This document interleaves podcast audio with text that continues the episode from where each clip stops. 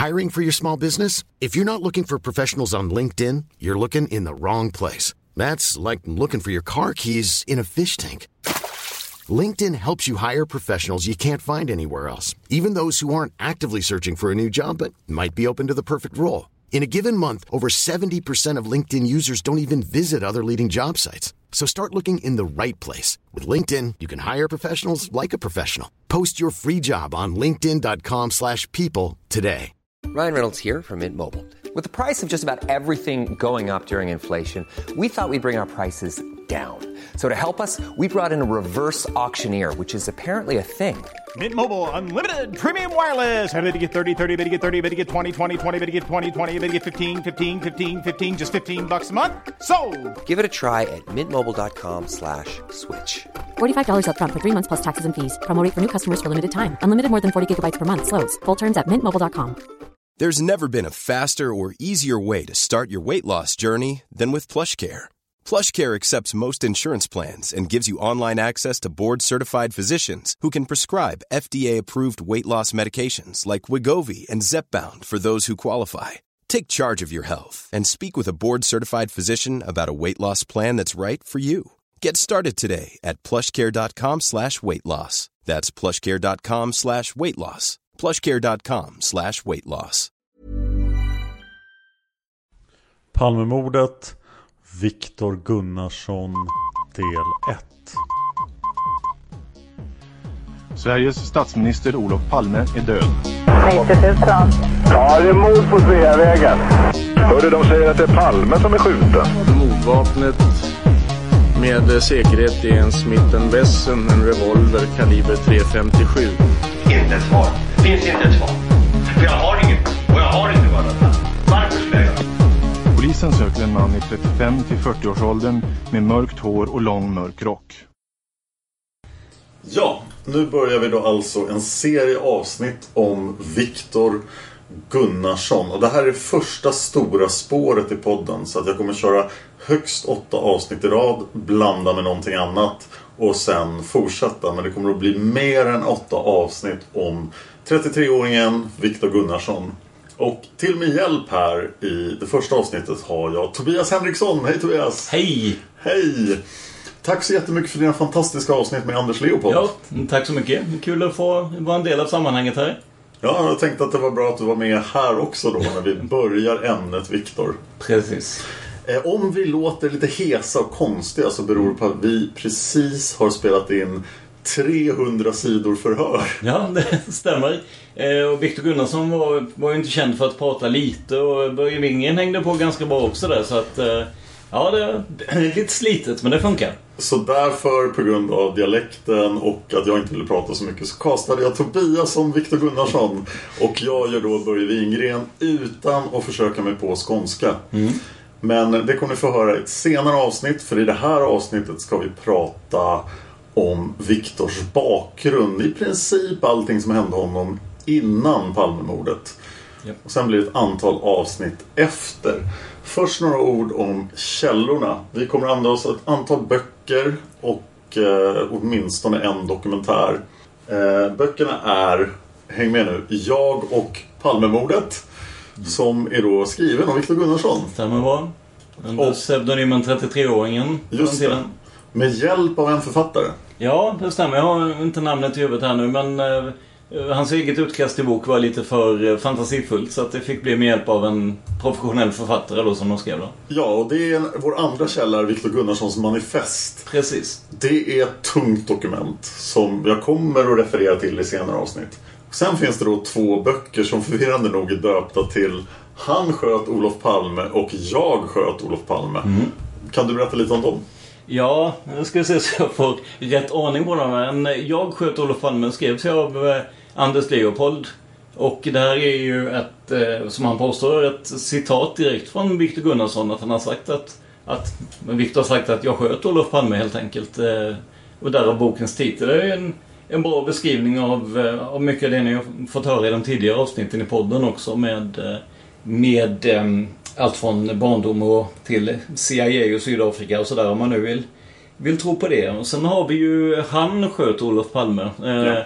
De skrevs av eh, Börje Wingren som var förhörsledare i, jag tror det var bortåt 30 timmar tillsammans med Viktor Gunnarsson. Eh, ni kommer märka att de är eh, ja, lite antagonister minst sagt efter eh, när vi kom in på förhören sen. Eh, det är en bok som är skriven utifrån Börje Wingrens eh, syn på utredningen där han är helt övertygad, precis som Anders Leopold, om att eh, det var Viktor Gunnarsson som, som höll i vapnet helt enkelt. Eh, där får man också se lite bakgrunden till att, eh, till att ja, till att Börje Wingren ansågs, eller kickades ut mer eller mindre i utredningen sen för att han, han gick in väldigt hårt för, för Viktor Gunnarsson och ville inte acceptera någon, någonting annat. Och då får man hans sida av det också. Eh, sen kommer vi även använda oss av Inuti labyrinten. Vi kommer in en, äh, använda oss av mörkläggning, del 1.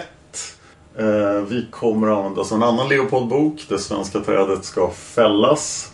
Och eh, så även då dokumentären To the Victor. Mm. Eh, ja.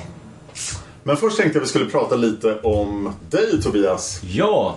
Ja, vem är du? Vad vill du veta? Ja. jo, eh, jag är eh, 37 år och kommer från eh, Karlskrona-trakten där. Eh, inte speciellt långt då ifrån var Viktor Gunnarsson växte, växte upp och det som har gett mig lite intresset på just det här spåret så att säga då. Eh, jag driver ett eget företag eh, där jag gör journalistiska arbeten och lite det dubbning, översättning, kvalitetskontroll och sånt där av eh, filmer, framförallt Youtube. Och eh, ja, eh, lyssnat mycket på, eh, på dina poddar helt enkelt Dan. Och, ja, eh, tack för det. Ja, och fann dem väldigt intressanta och fick där uppslaget att jag skulle göra någonting på just spåret Viktor Gunnarsson då. Och när vi sen började prata om att det kanske kunde ske inom ramen för podden så var det ju desto bättre så att säga. Och det, jag kunde bidra med, med, med den intervjun jag hade med Anders Leopold och eh, du kunde givetvis bidra med hela lyssnarskaran som, som du redan hade sedan tidigare och sådär också. Så att det, ja, det känns som ett bra samarbete helt enkelt. Ja.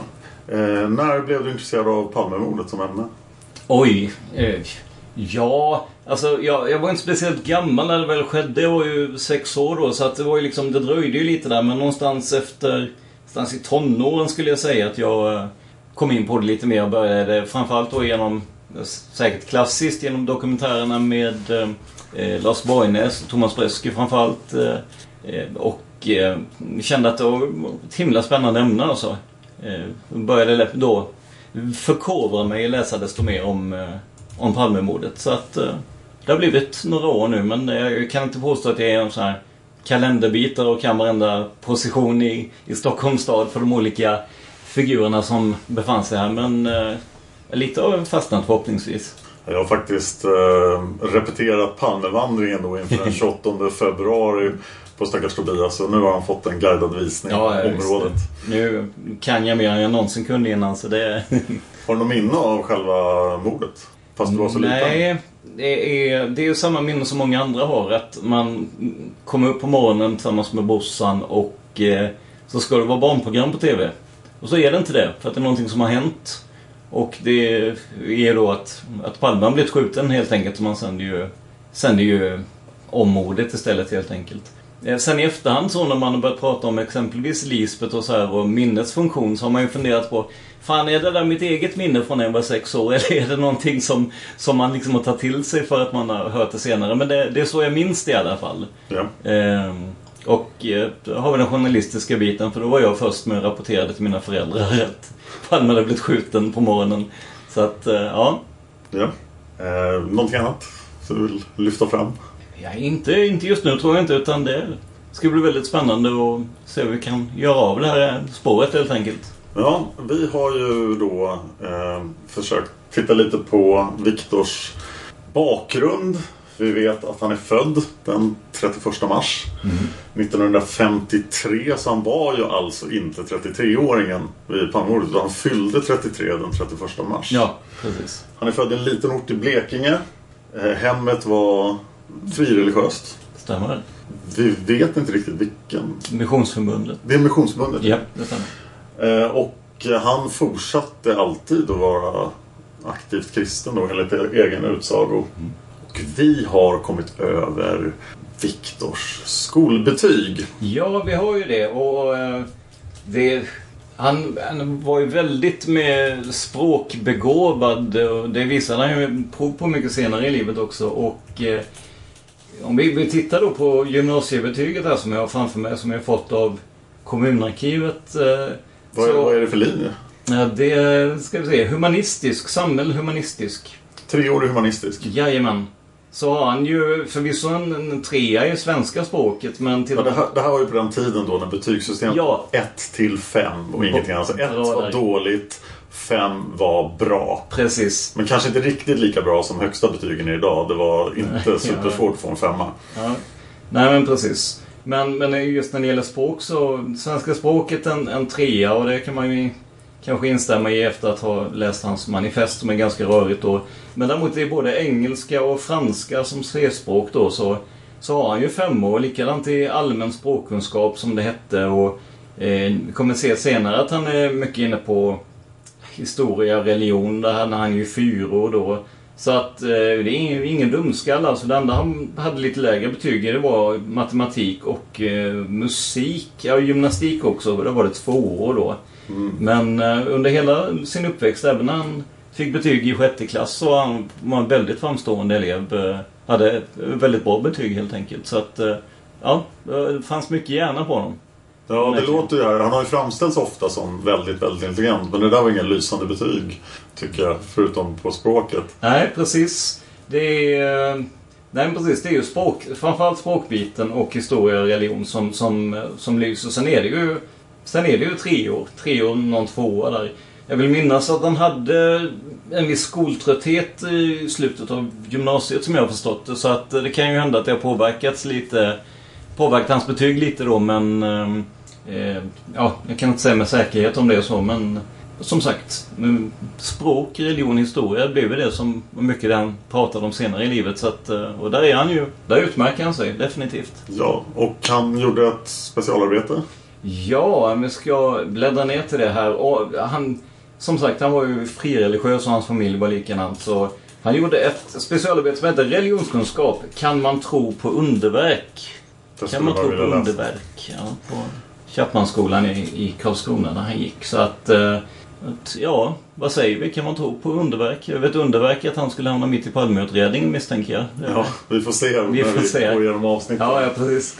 Ehm, Viktor var ju då som sagt religiös och hävdade att han alltid varit pacifist. Och han var mycket riktigt pacifist vid mönstringen. Så han eh, vapenvägrade och fick eh, hänvisade till hedersbetänkligheter. Och fick vapenfri tjänst. Det stämmer. Eh, och nu tänkte jag i den korta sammanfattningen så ni som är trötta på oss kan sluta redan här. För i mörkläggning, sid 76, har Gunnar Wall skrivit följande om 33-åringen som han refererar till. Eh, han var uppvuxen i ett frireligiöst hem i södra Sverige, var själv aktivt kristen och hade med hänvisning till samvets, samvetsbetänkligheter mot att bruka våld sökt och fått vapenfri tjänst istället för den vanliga värnplikten. Han talade ett antal främmande språk flytande, hade lätt för att uttrycka sig och tog gärna kontakt med främmande människor. Ibland roade han sig med att uppträda som amerikan. Han hade varit mycket utomlands och hur mycket ska vi gå igenom i det här avsnittet? verkligen. För det är mycket. Det är det. Och bott en tid i USA. I Sverige hade han försörjt sig på olika tillfälliga jobb, bland annat som lärare och väktare. Eh, politiskt var han en hängiven USA-beundrare. Lika starka men motsatta känslor hade han gentemot Sovjetunionen, som han fruktade och avskydde. I 33-åringens föreställningsvärld hotade Sverige att dra in, dras in i Sovjets inflytelsesfär genom att Olof Palme ständigt blundade för Moskvas övergrepp och istället ensidigt kritiserade Amerika. Det temat utvecklar han gärna i drastiska ordalag med människor han mötte. Det var då den riktigt korta versionen. Och nu ska vi gå på djupet med vad som egentligen hände. Eh, ja, vad kan vi säga om... Vi kommer nu att titta i eh, Jag sköt Olof Palme av Anders Leopold. Där vi börjar på sid 15. Ja, just det. Vi är inne på eh, resorna du vill... Ja. Ja, jag tänkte eh, se om vad Leopold säger. Först säger han ju att Ja. eh, Viktor blev starkt präglad av sina föräldrars engagemang i den Mm. frikyrkliga verksamheten. Absolut. Och pappan var en framstående person inom en av de stora frikyrkorna. Eh, Eh, de som kände Viktor Gunnarsson från barndomen berättar i sina vittnesmål att han var intelligent, duktigare än de flesta i skolan, skrytsam och fantasifull. Det gjorde också att han blev något av en hackkyckling. Ibland så illa ansatt att det var aktuellt för familjen att flytta från hembyn. Och i sitt manifest som vi pratade lite om i början, eh, hans eget bokmanus kan man säga, skriver han Idag läser jag i en utländsk tidning för andra gången på kort tid. Var tredje elev mobbad enligt aktuell undersökning, februari 87. Jag erinrar mig alla mina år som hackkyckling i grundskolan. Vid ett tillfälle slängde en kompis in mig i en tegelvägg. Jag hatar rasism och mobbing understruket. Av vanligt och ovanligt folk, av elever såväl som lärare. Och eh, som sagt, hans eh, stora intresse vid sidan om språket var att eh, följa den politiska utvecklingen i världen och han hade till och med ett inramat porträtt av sin idol eh, John F Kennedy på sitt eh, barnrum helt enkelt där. Och eh, som sagt, han var språklärare med flertal anställningar och var med det som vikarie. Han hade ingen formell lärarbehörighet. Och däremellan så, så var han då ute i världen och då var han ju precis överallt kan man ju tycka. Vi, vi har ju en lista Ja, vi ska här. titta på den här exceptionella Ja. listan över alla resor. Men vi ska tänka på att han är alltså 32 år när Palmemordet inträffar. Och han har hunnit med alla de här resorna. Så börjar du så tar vi varannan. Det gör vi. Han eh, var två månader i Rabat, Marocko. Han var två månader i Nairobi, Kenya. Två månader i Dakar, Senegal. Vi pratar alltså två månader i alla de här platserna. Ja, två månader hinner, alltså. i Johannesburg, Sydafrika. Ja, visst. Två månader i Warszawa i Polen och där ska han dessutom förlorat sitt eh, pass. Och han ska även ha varit i Moskva en okänd period där han ska ha blivit stoppa- stoppad i tullen och fråntagit sitt pass Han har igen. ingen tur med sitt pass. Två månader i Mexico City i Mexiko. Två månader i Tel Aviv i Israel. Mm. Två veckor i eh, Tokyo, Japan. Men så var det för fel på Tokyo? Varför stannar inte två månader där också? Mycket bra fråga. Det kommer nog sen när vi kommer ner till eh, Indien här sen. Eh, För där var han nämligen åtta månader sen. Ja, en, en månad i Barcelona, Spanien. Det var Ja. bara en månad alltså. Det vet vi faktiskt när det var. Det var 1970, 1982 var det. Ja, det stämmer. Eh, Sen tillbringar han då hela åtta månader i New Delhi, Indien samt i Karachi Pakistan. Ja, han åkte först dit 78 och sen dit 82 vet vi. Han var tre veckor i Colombo, Sri Lanka. Förmodligen anslutning till den långa Indienresan. Ja. Fyra veckor i Frankrike, varav två veckor i Paris och två veckor på ett ställe vid namn Chateau Thierry som ligger mellan Paris och Rennes. Eh, Det här Chateau Thierry ska eventuellt vara någon sorts amerikansk bas. Jag antar att det menas eh, eh, militärbas eller liknande. Där. Ja, säger Anders Leopold. ja, säg Anders Leopold, absolut. Två veckor i Beirut, Tripoli, Libanon. Och en okänd tid i i Sahara, spanska Sahara. Ett år i Västtyskland i någon storstad. Och han har en plan att han den första mars ska åka tillbaka till Potsdam i Västtyskland. Det stämmer. Direkt efter mordet. Och eh, sen ett stort antal resor till USA och det kommer vi också att återkomma till. Ja, väldigt många resor till USA. Eh, Leopold har ju funderingar hur allt det här finansierades då. För Viktor Gunnarsson tjänar aldrig några stora pengar. Han taxerades 85 för 66 290 kronor för hela året och det är inte så mycket. Leopold tror att eh, det kan vara Viktors pappa helt enkelt som har betalat. Klart du ska ut i världen pojke. Precis. Men eh, han, ja, Leopold antyder också att det kunde funnits, funnits andra finansiärer.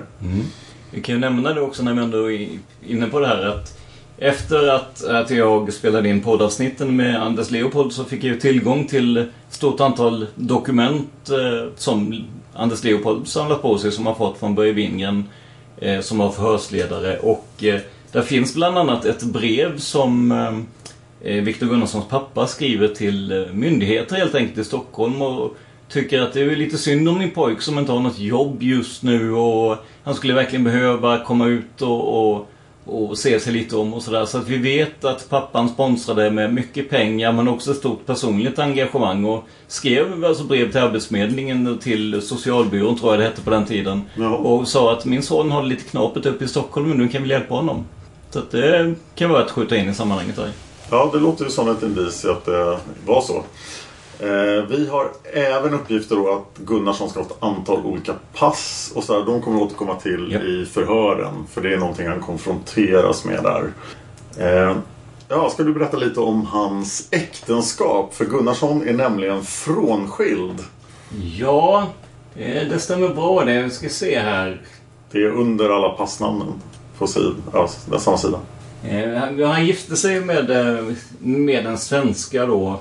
Och de bosatte sig i Hollywood. Och Victor Gunnarsson var ju sån att han, han drömde ju om att med hjälp av ja, sitt tilltalande yttre, som Anders Leopold skriver då, bli skådespelare, regissör. Och äktenskapet sprack. eh, Han vände hem till Sverige igen då.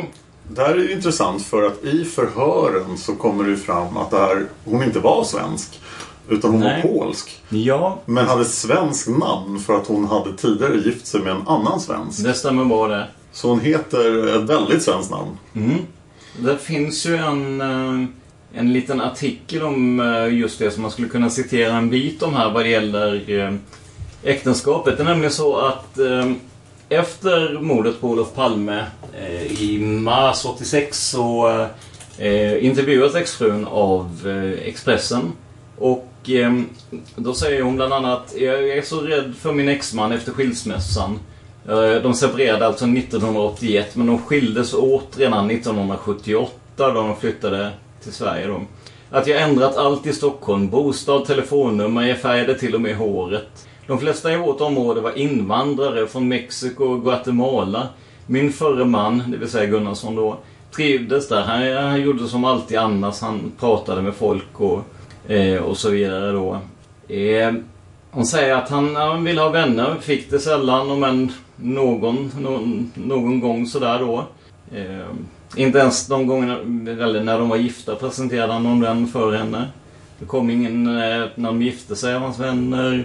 Eh, föräldrar, släktingar och eh, hennes vänner var med då, men inte han som jag förstår det här. Ja, till och med hans föräldrars vänner. Men inte, Ja, föräldrarnas vänner, det stämmer. inte en enda vän till Viktor kom Nej. på bröllopet. Och hon säger det. Jag vet hur aggressiv min exman är och hur illa han tyckte om Palme. Han inbillade sig till och med att Palme skulle göra Sverige till ett nytt Ryssland och stänga gränserna så att ingen skulle kunna lämna landet. Men sen kommer en viktig grej. Eh, Exprem säger här, men han har aldrig kommit på idén att döda Palme själv. Eh, och har han gjort det måste någon ha fått honom att göra det. Han är mycket lätt manipulerad.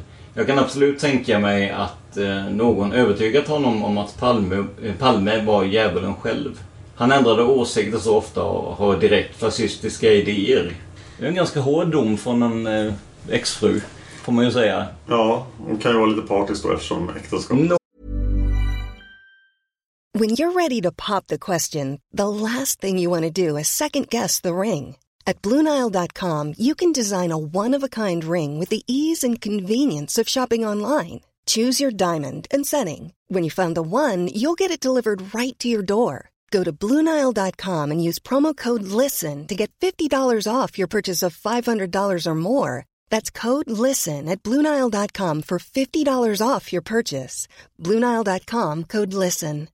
If you're looking for plump lips that last, you need to know about Juvederm lip fillers. With Juvederm Volbella XC and Juvederm Ultra XC, your lip look, whether it's subtle or bold, can last up to one full year with optimal treatment and no additional maintenance. Find a licensed specialist and see if it's right for you at juvederm.com today. That's J U V E D E R M.com. Add fullness to lips in adults over 21 with Juvederm Volbella XC or Juvederm Ultra XC. Do not use if you have severe allergies or a history of severe allergic reactions, or if you're you're allergic to lidocaine or the proteins used in Juvederm. Tell your doctor if you have a history of scarring or taking medicines that decrease the body's immune response or that can prolong bleeding. Common side effects include injection site redness, swelling, pain, tenderness, firmness, lumps, bumps, bruising, discoloration, or itching. As with all fillers, there's a rare risk of unintentional injection into a blood vessel, which can cause vision abnormalities, blindness, stroke, temporary scabs, or scarring. For full important safety information, visit juvederm.com. Want flexibility? Take yoga. Want flexibility with your health insurance? Check out United Healthcare Insurance Plans. Underwritten by Golden Rule Insurance Company, they offer flexible, budget friendly medical, dental, and vision coverage that may be right for you. More at uh1.com. Något partisk förmodligen, men... eh, Hon har hängt ut honom hårt här. Mm, så är det. Så är det. Eh, Han har ju alltså två perioder då som han eh, bor i Stockholm. Först eh, tidigt på 80-talet och sen efter han kommer tillbaka för sina resor som jag tror är 82. Eh, Och de här olika jobben han har i Stockholm då. Han börjar som... När han kommer tillbaka till Stockholm så anställs han som vikarierande språklärare. Och eh, han ska flytta till Stockholm första gången 79. Bosatt sig i Norsborg. Eh, Fått vikariat på studieförbundet och senare på Stockholms universitet. Och han ska ha blivit avskedad från båda tjänsterna. Och vi har ett vittnesmål från hans skolverksamhet i Stockholm. Ja, men precis. eh, Det är ju rektorn som kallas för JB här då. JB uppger att Gunnarsson var anställd vid eh, skolan höstterminen 79 och hade timförordnande på högstadiet vårterminen 80. De hade honom anställd några veckor innan de förstod att det var olämpligt att ha honom som lärare. Han levde i en egen verklighet, fantiserade. Hade han en gång träffat en person var han helt plötsligt vän med honom.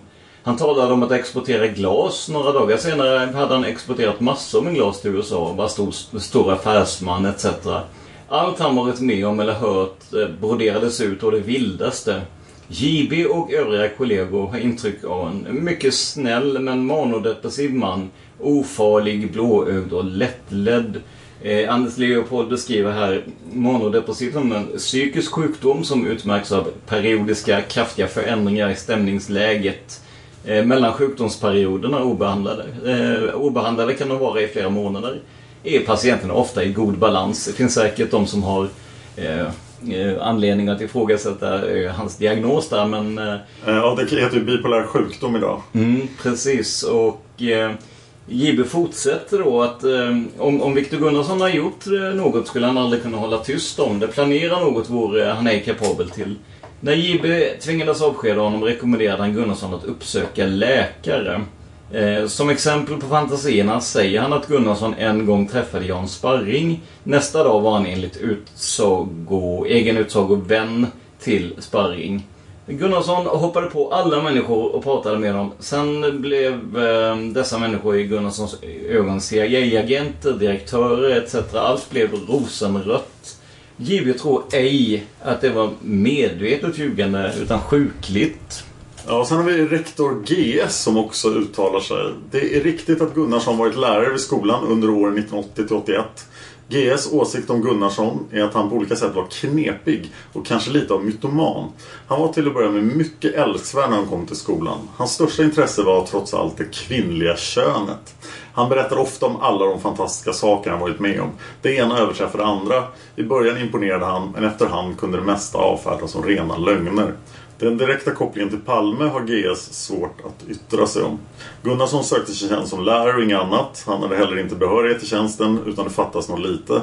Men han hade dock varit ute och vikarierat. Den dåvarande studierektorn hade också sagt när han blev som galen att det fattades ett och ett halvt år i hans meriter och det spekulerades också i vad han hade haft för sig under denna tid.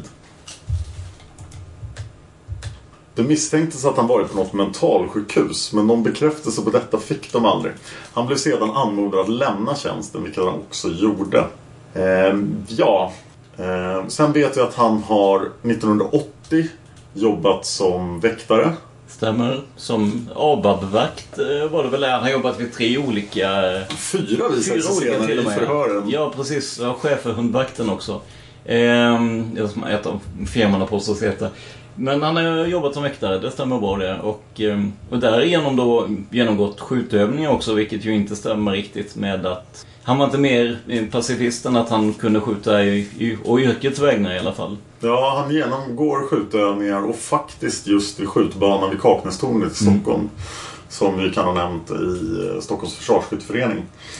Eh, sen vet vi att han jobbar på något arkiv eller tryckeri. Ja, eh, jag vet att han jobbar som eh, tidningsutdelare i alla fall. Hade kontakt med tryckeri där han hämtade upp tidningar. Är det det du tänker på? Nej, jag tänkte på stället han blir sparkad från. Men det ska vi ta i förhören. Ja, precis. Så det hoppar vi över yep. här. Sen har mycket riktigt varit tidningsbud i Gamla stan. Med tillgång till portkoder då, till portar i Gamla stan. Och det mm. kommer också att tas upp mera i förhören. Eh, och 85 är han eh, lärare igen, eh, invandrare för svenska. Mm. Det vet vi. Något annat yrke vi känner till? Nej, inte, inte vad jag vet så. Eh, jag kan säga det bara apropå eh, skjutövningarna vid Kaknästornet där att så fort Viktor Gunnarsson blev certifierad så att säga som ABAB-vakt så lämnade han in en ansökan till Polismyndigheten om att få bära vapen i tjänst. Eh, vilket är lite undligt för någon som säger sig ha varit vapenvägrare hela sitt liv. Ja. Men han fick äh, alltså avslag för att han ansågs äh, opolitlig som person helt enkelt. Och för att han hade en äh, trafikförseelse. Han, var, han fanns i brottsregistret men bara för en trafikförseelse då. Från sin tid i Blekinge. Så att, eh, men framförallt för att han var en, han upplevdes som opolitlig. Det var ingen som hade ett, eh, ett enbart positivt eh, intryck av honom som det stod i, i avslaget.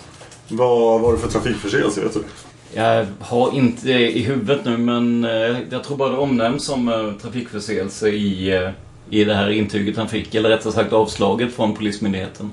Ja. Så att, det, det kan får vi ha som en cliffhanger till senare avsnitt i så fall. Ja. eh, och det är väl i stora drag vad han har sysslat med då fram till eh, ja, 1986. Mm. Men nu tänkte vi då att Viktor själv skulle få berätta om sina dagar innan Palmemordet. Och det gör han då i eh, Jag och Palmemordet, hans bok tropiska delar av Mexiko eller Sundbyberg. Vilket resmål skulle jag välja? De flesta hade säkert utan tvekan valt Mexiko. Jag valde lika tveklöst Sundbyberg. Visserligen hade jag jobbat hårt eh, med många extra knäck under 1985. Tidningsutbärning, barnpassning, översättningar från engelska och spanska. Där fick vi några till. För att få ihop pengar till långresan. Jag hade varit där tre gånger tidigare och trivdes utomordentligt i landet. Nu hade jag tänkt fly den svenska vintern och övervintra där. Jag kunde alltid försörja mig som lärare i engelska för mexikaner som ämnade utvandra till USA eller samhällskunskap på spanska för indianer som kommit till Mexiko från Guatemala. Om jag hade... Eh, om jag har ofta tänkt på vad allt hade blivit annorlunda ifall jag hade fullföljt min ursprungliga plan och lämnat Sverige denna hårda vinter. Hård i många avseenden. När chansen kom till Sundbyberg förändrades allt. Det handlade om en ny linje vid gymnasiet kring turism. Ämnet fascinerade mig och jag ansåg mig ha de rätta kvalifikationerna. Jag har arbetat som reseledare. Jag är lärare. Jag kan flera språk. Jag har rest över större delen av världen. Mitt enda önskemål var att jag fick fortsätta undervisningen även på höstterminen för att se ett resultat. Jag blev föreståndare för linjen och undervisade i huvuddelen av ämnena. Klassen bestod av idel flickor, de flesta i högstadiet. Det fanns också en del som eh, efter några år ute i förvärvslivet återvänt till skolbänken för att ta chansen till att arbeta inom turism och resebranschen. Ungkar i en grupp av unga trevliga flickor. Många skulle säkert finna min situation avundsvärd. Jag var också mycket nöjd, men eh, främst med flickornas ambition. Alla var oerhört målinriktade i sina studier. Det var inga problem att få klassen att lyssna och lära. På kort tid blev vi ett sammansvetsat team som trivdes ihop. Vi hade redan gjort en lyckad resa till Åland för att studera verksamheten eh, vid svenska Birka Line. På båten fanns även möjligheter att under friare former lära känna varandra. Vår stora händelse som redan diskuterades var en bussresa till Jugoslavien genom Europa. Jag skulle inte resa med utan endast delta i uppläggningen före. Då är ni era egna reseledare och får reda er själva, hade jag förklarat. Allra närmast på programmet står ett studiebesök på American Center på Sveavägen i Stockholm omedelbart efter det sportlov som inföll kommande vecka. Sista dagen före lovet förberedde vi det besöket. Vi skilde sen lite tidigare än vanligt. Jag önskade mina flickor en trevlig helg och ledighet och hoppades att eh, vi hade glada nyheter att berätta när vi återträffades. Jag kände mig förkyld och tog tunnelbanan direkt hem till min bostad i söderförorten Norsborg. Pappa hade ringt och tyckte att jag gott kunde komma hem och pysslas om. Jag föredrog att stanna kvar i storstaden. Om. Hade jag antagit pappas inbjudan och tagit 12-bussen från Norra Bantorget till Blekinge skulle jag varit långt från Stockholms city den här kvällen. Hemma gjorde jag i ordning en enkel middag på vita bönor och potatis och hoppades kunna invitera en granne som jag brukade umgås med. Han är invandrare från ett mellaneuropeiskt land, mycket känslig person, som vid den här tidpunkten hade extra besvärligt genom personliga problem. Vi träffades ett par gånger i veckan, ibland var han inne hos mig och bakade underbart gott bröd. Och vi gjorde ofta sällskap in till city. Nu hade han ännu inte kommit hem från sitt arbete och jag fick äta i ensamhet. Efteråt gick jag till köpcentrum och handlade inför helgen. Jag köpte även kvällstidningarna och studerade bioannonserna eftersom jag planerade att se en film på kvällen. Dessutom hade jag tillfälle att gå mycket på bio under sportlovet och ville kontrollera vad som fanns på repertoaren. För kvällen gällde Rocky 4 eller Svarta månen. Jag ville se båda, men i vilken ordning? Nåja, det gav sig. Filmerna visades på Rigoletto på Kungsgatan. Jag gjorde ett nytt försök att ringa grannen för att eh, få sällskap. Fortfarande inget svar. Jag prövade kontakta en flickbekant, men ingen svarade hos henne heller. Om, återigen detta ord. Ifall någon av dem svarat och jag haft sällskap under föreställningen hade mitt alibi varit vattentätt. Jag tog på mig den kanadensiska flygarjackan och gick till tunnelbanestationen. I den kameraväska som jag alltid bär med mig hade jag stoppat ner Aftonbladet och Expressen och en bok som jag äntligen lyckats få tag på. Sovjet hotar Sverige. Författaren, en sovjetisk avhoppare, beskriver i den minutiöst och detaljerat ryssarnas anfallsplaner mot Norden. Vid 18-tiden var jag inne i city och, då, och gick direkt till mitt stamlokus, Café Mon på Kungsgatan. Eftersom jag varken röker eller dricker undviker jag restauranger och dansställen. Café Mon utgjorde den stockholmska nöjesvärlden för mig. Hit kom jag ett par gånger i veckan. Ofta kunde det bli flera besök. Mon hade alla fördelar. Trevlig miljö, älskvärd personal, Bra musikvideofilmer, bland annat min favorit Aretha, Frank Aretha Franklin. Eh, till allt detta kom en annan väsentlig omständighet. Läget nära Rioletto, den filmstad eh, som jag tyckte visade de bästa filmerna. Den här fredagskvällen var det inte så mycket folk i lokalerna. Innan jag satte mig vid ett bord för att läsa boken pratade och skojade jag med några bekanta bland personalen. Jag blev så upptagen av läsningen att jag först inte lade märke till att tre flickor hade satt sig vid bordet intill. Just det, tre flickor. Senare blev en hel del talat och skrivet om två flickor. Men den tredje vid bordet satt passiv och la sig inte alls i samtalet. Hon tycktes hålla med mig i det mesta men föredrog att vara tyst för att inte stöta sig med väninnorna. Flickorna var i 20-årsåldern, typiska Stockholmskor vill jag påstå. Ganska snygga, mycket välklädda en såg lite mallig ut där hon satt med sträckt hals och näsan i vädret. Förmodligen var det jag som tog initiativet. Det brukar vara så. Och snart var en intensiv debatt igång. Flickorna hade kanske sett vad jag läste och samtalet kretsade kring politik. Och gärna för mig. Jag följer noga med den allmänna debatten och riktade stark kritik mot regeringen och statsminister Olof Palme. Inte så att jag öste invektiv över honom, men jag ifrågasatte hans neutralitet något som de två flickorna protesterade mot och ville ha bevis för. Han skällde på USA för Vietnam och nu Nicaragua. Men inte alls lika engagerad i kriget i Afghanistan, replikerade jag. Han tar inte avstånd från alla ryska långtradare som kör omkring på svenska småvägar där de inte har något att göra om man inte är ute i illegala ärenden. Den malliga flickan blev mycket upprörd över kritiken. Den smala halsen sträcktes ännu mer. Jag ska be att få tala om att jag faktiskt är släkt med Olof. Jag trodde henne inte mer än jämt, men höll med om att släktingen var en ovanlig person och även intelligent. Och tänk på hans stora insatser för freden, drog hon till med. Men han är inte alls det stora helgon som många vill göra gällande, slängde jag tillbaka. Så där höll vi på och gafflade en bra stund. Till slut tog deras argument slut och ganska frustrerade lommade de iväg under förevändningen att de måste passa en bioföreställning. Jag tittade på klockan och fann att den nästan var 23. Tiden går fort när man har roligt. Trots att mina meningsmotståndare inte var vana debattörer hade jag haft utbyte av samtalet. Ett par pojkar hade under tiden eh, satt sig vid ett bord intill och roat lyssnat. När flickorna gett sig av började de prata. Den ena var till hälften polack och tyckte också att svenskarna i många stycken är för slappa mot ryssarna. Efter cirka tio minuter bröt de upp. Strax efteråt betalade jag min förtäring och tackade mina vänner bland personalen för en trevlig kväll. Jag hade bestämt mig för att se 23.30 föreställningen av Rocky 4 på Rigoletto. Dessförinnan slank jag in på McDonalds intill och köpte en hamburgare. Det var många timmar sedan jag åt och hungern gjorde sig märkbar. Filmen slutade vid ett-tiden och jag kände fortfarande sug efter mat. Jag återvände till McDonalds för en hamburgare före hemresan.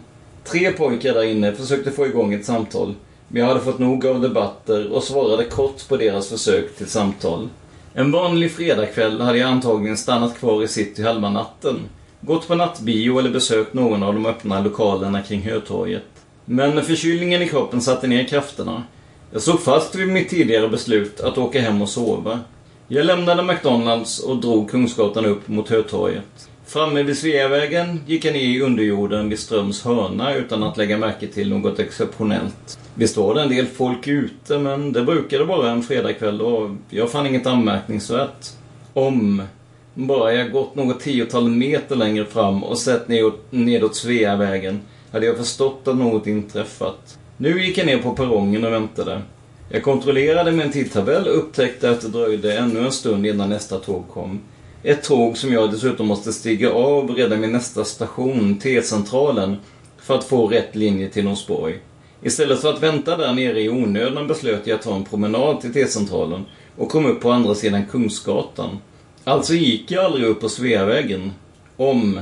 Lika ofta som jag går till Hötorget eller T-centralen för att ta tåget hem efter besök i city brukar jag anlita stationen Östermalmstorg och nedgången vid biografen Spegeln. På T-centralen blev väntan kortare. Klockan kunde ha varit två, kanske halv tre när jag gick till sängs och sov ostört i sex timmar.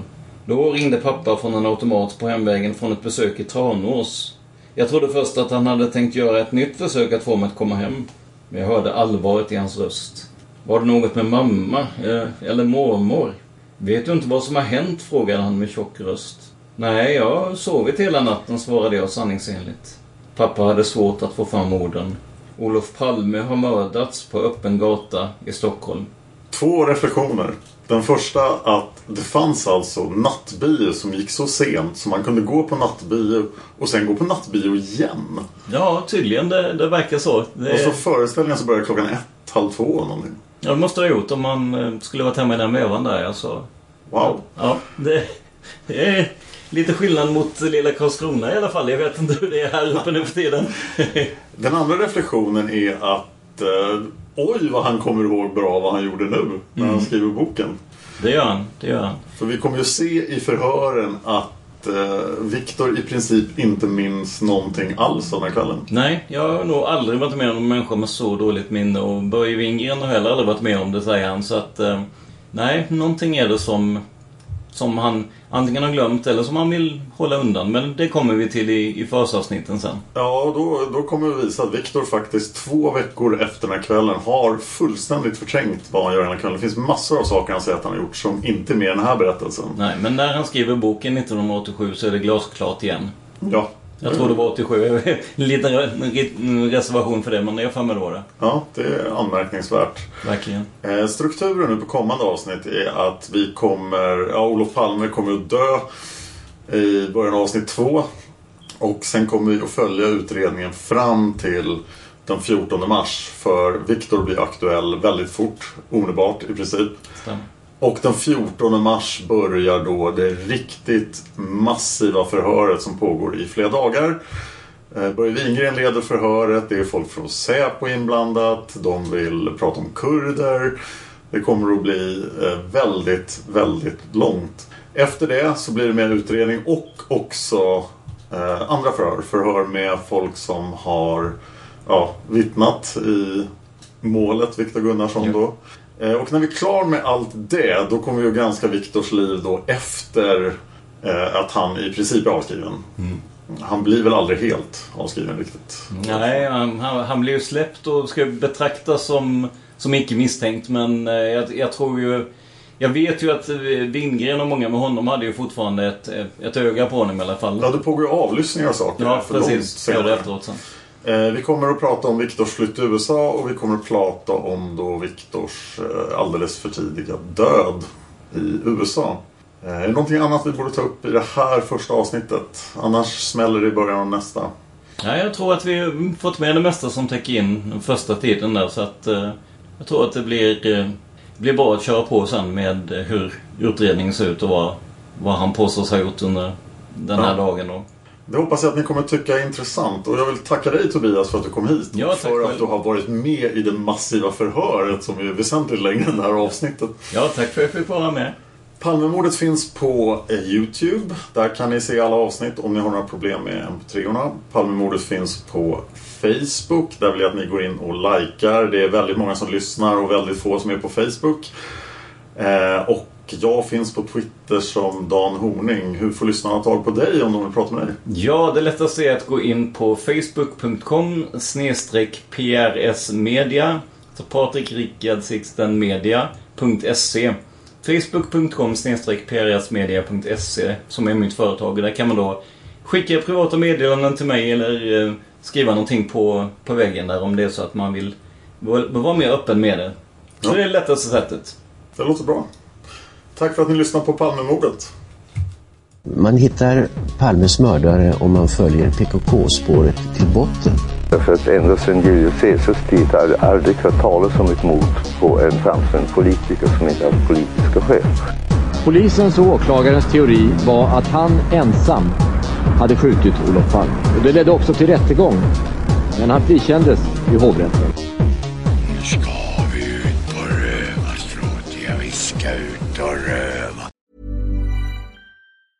Normally, being a little extra can be a bit much, but when it comes to healthcare, it pays to be extra. And United Healthcare makes it easy with Health Protector Guard fixed indemnity insurance plans. Underwritten by Golden Rule Insurance Company, they supplement your primary plan, helping you manage out of pocket costs without the usual requirements and restrictions like deductibles and enrollment periods. So when it comes to covering your medical bills, you can feel good about being a little extra. Visit uh1.com to find the Health Protector Guard plan for you. Hi, I'm Daniel, founder of Pretty Litter. Did you know cats tend to hide symptoms of sickness and pain? I learned this the hard way after losing my cat, Gingy. So I created Pretty Litter, a health monitoring litter that helps detect early signs of illness by changing colors, saving you money and potentially your cat's life. Pretty Litter is veterinarian developed, and it's the easiest way to keep tabs on your fur baby's health right at home. Go to prettylitter.com and use code ACAST for 20% off your first order and a free cat toy. Terms and conditions apply. See site for details. Planning for your next trip? Elevate your travel style with Quince. Quince has all the jet setting essentials you'll want for your next getaway, like European linen, premium luggage options, buttery soft Italian leather bags, and so much more. And is all priced at 50 to 80% less than similar brands. Plus, Quince only works with factories that use safe and ethical manufacturing practices. Pack your bags with high-quality essentials you'll be wearing for vacations to come with Quince. Go to quince.com slash pack for free shipping and 365-day returns.